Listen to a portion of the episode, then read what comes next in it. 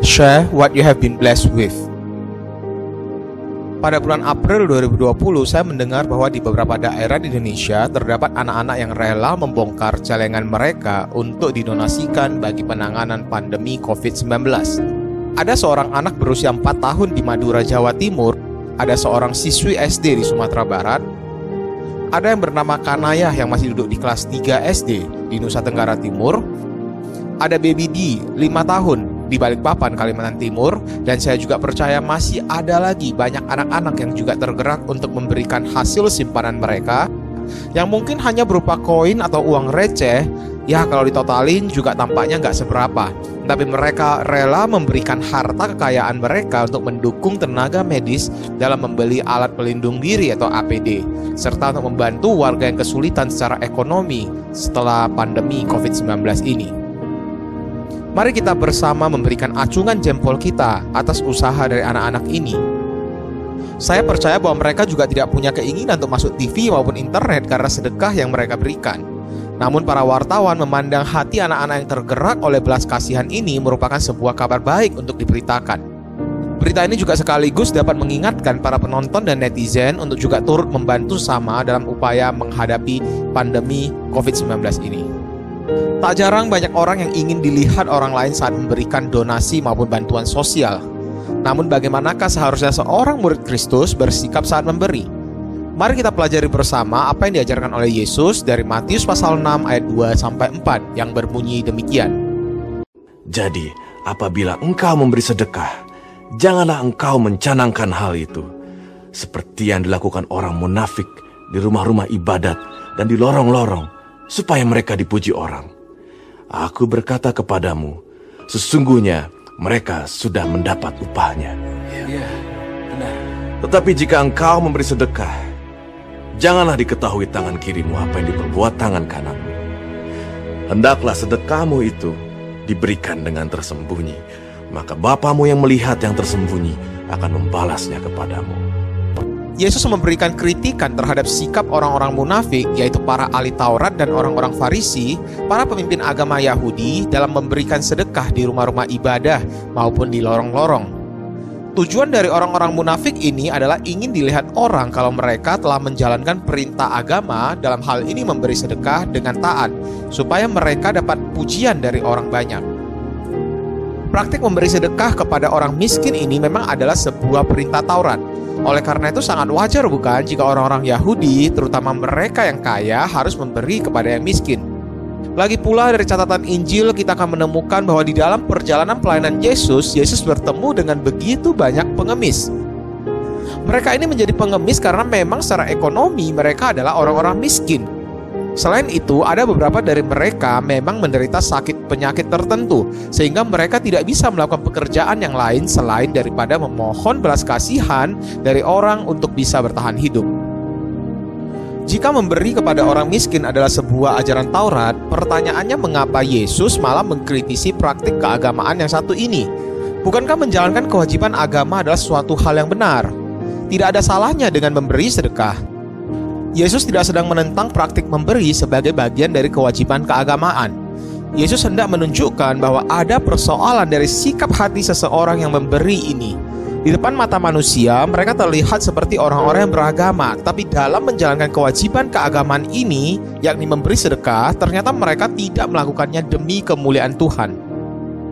Beberapa penafsir Alkitab mengatakan bahwa orang-orang munafik ini sengaja menunggu saat terompet pertanda waktu ibadah orang Yahudi dibunyikan.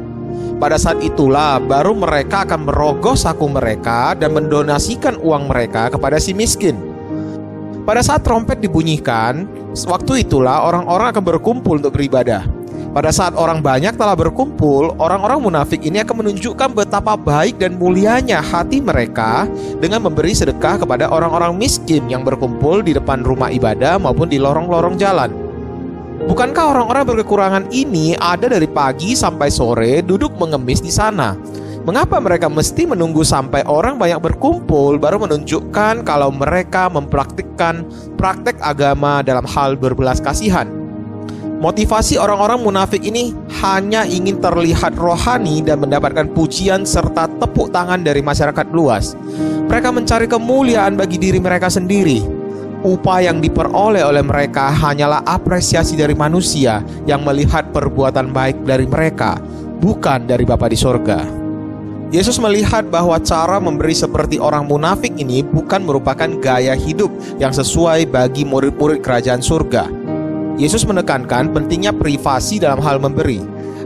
Yesus memberikan ilustrasi yang cukup ekstrim. Apa yang diberikan oleh tangan kananmu jangan sampai diketahui oleh tangan kiri. Berikanlah dengan penuh kerahasiaan. Jika kita menggunakan tangan kanan untuk memberi, jangan sampai tangan kiri kita tahu kalau kita bersedekah. Di dalam budaya orang Yahudi, untuk melakukan aktivitas sehari-hari yang penting, orang-orang harus mengerjakannya dengan tangan kanan. Oleh karena itu memberi sedekah adalah sebuah praktik keagamaan yang penting yang harus dilakukan dengan tangan kanan. Dengan kata lain, urusan memberi adalah urusannya tangan kanan, tidak ada urusan dengan tangan kiri seseorang, sehingga tangan kiri tidak perlu kepo, tidak perlu tahu dengan apa yang diperbuat oleh tangan kanan. Namun, jangan kita mengartikan penggambaran yang Yesus sampaikan ini dengan terlalu literal. Visualisasi ini hanya bermakna bahwa kita tidak perlu pamer kepada orang lain kalau kita memberi. Bahkan bagi diri sendiri, jika seorang murid ada menyumbangkan harta kepunyaannya, jangan jadikan itu suatu persoalan besar yang patut dibanggakan. Berilah di dalam mode rahasia tanpa perlu diketahui orang lain karena jika kita bersedekah dengan hati yang benar, Bapa di surga melihat apa yang kita lakukan dan Bapa akan memberkati tangan-tangan yang memberi dengan sukacita. Apalah artinya penghargaan dari manusia yang melihat kita yang mengasihi sama melalui berkat jasmani yang kita bagikan? Bukankah mata Bapa yang melihat tangan kita yang memberi jauh lebih berarti? Pengajaran Yesus soal memberi di bagian ini juga tidak sedang mengatakan kepada kita bahwa kita tidak boleh memberi di tempat publik. Yesus bukan sedang mengatakan bahwa jika kita bertemu dengan orang yang mengemis di tengah jalan, kita tidak dapat memberi secara langsung kepadanya. Kita tidak boleh berdonasi misalnya jika ada event penggalangan dana untuk aksi sosial tertentu di pasar, di mall, di tempat keramaian karena terlihat oleh orang banyak. Kita tidak boleh bersedekah ke organisasi sosial jika ada wartawan di sana karena nanti pemberian kita akan diekspos oleh media. Wah, bisa berdosa nanti kita. Jangan kita salah memaknainya seperti itu. Yang ditegur oleh Yesus adalah motivasi yang salah yang dimiliki oleh orang-orang munafik di dalam hati mereka ketika mereka memberi sedekah. Yang ada di dalam hati orang-orang munafik ini bukan merupakan belas kasihan dan kemurah hatian, melainkan keinginan untuk pamer kebaikan. Apalagi pada zaman tersebut belum ada organisasi yang menjadi mediator antara donatur dan penerima bantuan di mana kita tinggal transfer lewat bank maupun lewat aplikasi e-payment ke badan sosial atau gereja dan mereka bisa membantu kita menyalurkan bantuan kepada orang lain. Jadi pilihan satu-satunya untuk bersedekah adalah dengan memberikannya secara langsung kepada fakir miskin, janda-janda, orang-orang lumpuh dan sebagainya yang mengemis di jalan-jalan. Namun Yesus mengingatkan murid-muridnya untuk menjaga kemurnian hati di dalam memberi hati seorang murid yang mau memberi harus dengan penuh kerendah hatian untuk membagi berkat yang telah mereka terima dari kerajaan surga. Jika kebetulan ada yang melihat, mereka tidak perlu menyombongkan diri, tidak perlu dengan sengaja menimbulkan suara koin yang kelinting-kelinting, maupun menunggu sampai saat orang berkumpul baru mereka memberi. Biasa-biasa saja, tinggal mengulurkan tangan dan berilah kepada mereka yang berkekurangan. Bapak Gereja Metodis John Wesley pernah berkata, earn all you can, save all you can, and give all you can. Wesley bukan sedang menentang orang-orang untuk bekerja keras, banting tulang untuk mendapatkan uang bagi menghidupi keluarga mereka. Ketika itu orang-orang yang dia layani di Inggris pada tahun 1700-an adalah mereka yang memiliki kedudukan sosial yang rendah, pendapatan yang pas-pasan, tetapi beban ekonomi yang mereka tanggung sangat besar.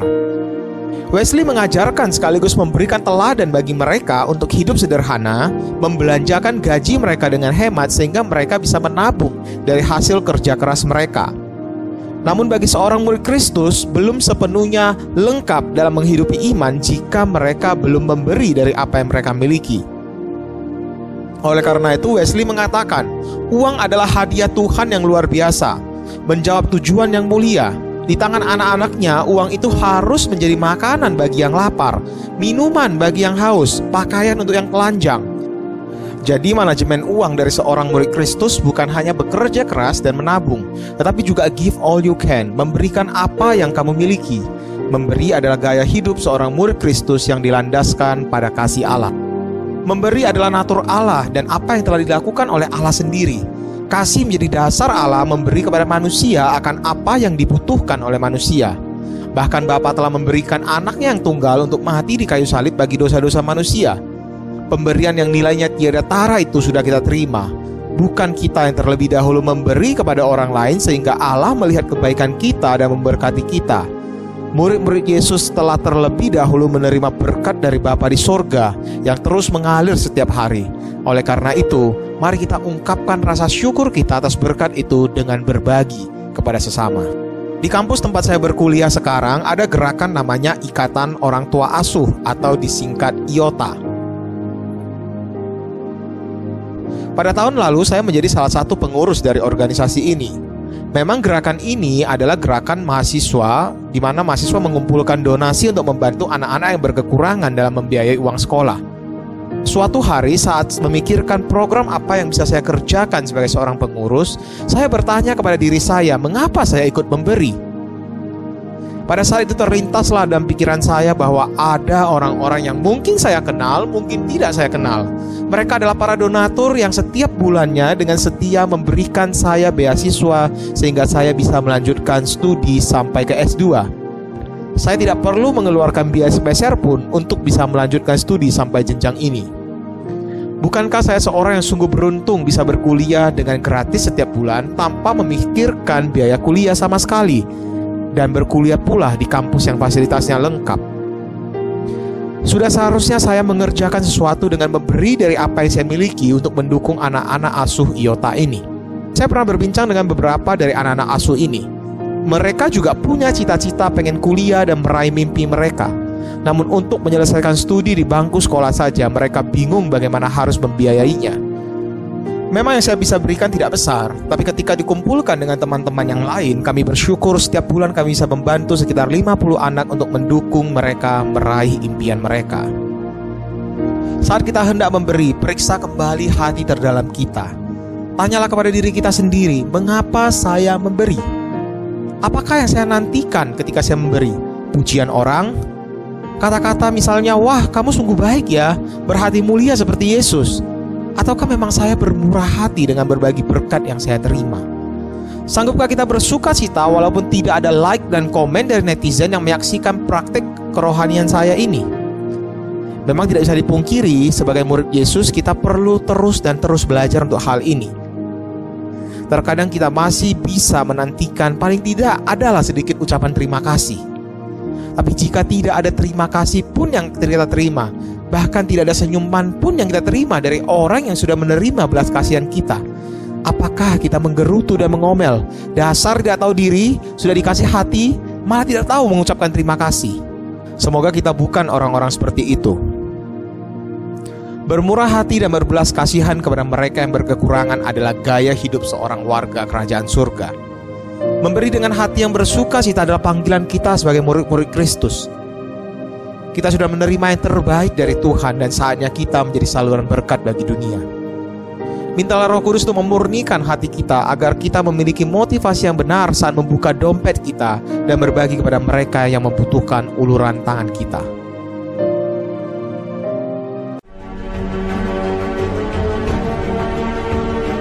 Ada yang bersedekah karena ingin pamer dan mencari pujian. Ada yang berdonasi karena ikut-ikutan dan tidak mau ketinggalan ada yang berbagi karena perasaan iba dan belas kasihan. Jadi, apa yang memotivasi seorang murid Kristus untuk memberi kepada orang lain? Kita memberi bukan karena ingin diberkati. Saya dan kamu bisa berbagi karena kasih Bapa yang telah kita nikmati. Masih bisa menjadi berkat menandakan kita adalah orang-orang yang tercukupi. Dengan ucapan syukur, kita saling menyatakan kasih dan hanya nama Tuhan yang dipuji.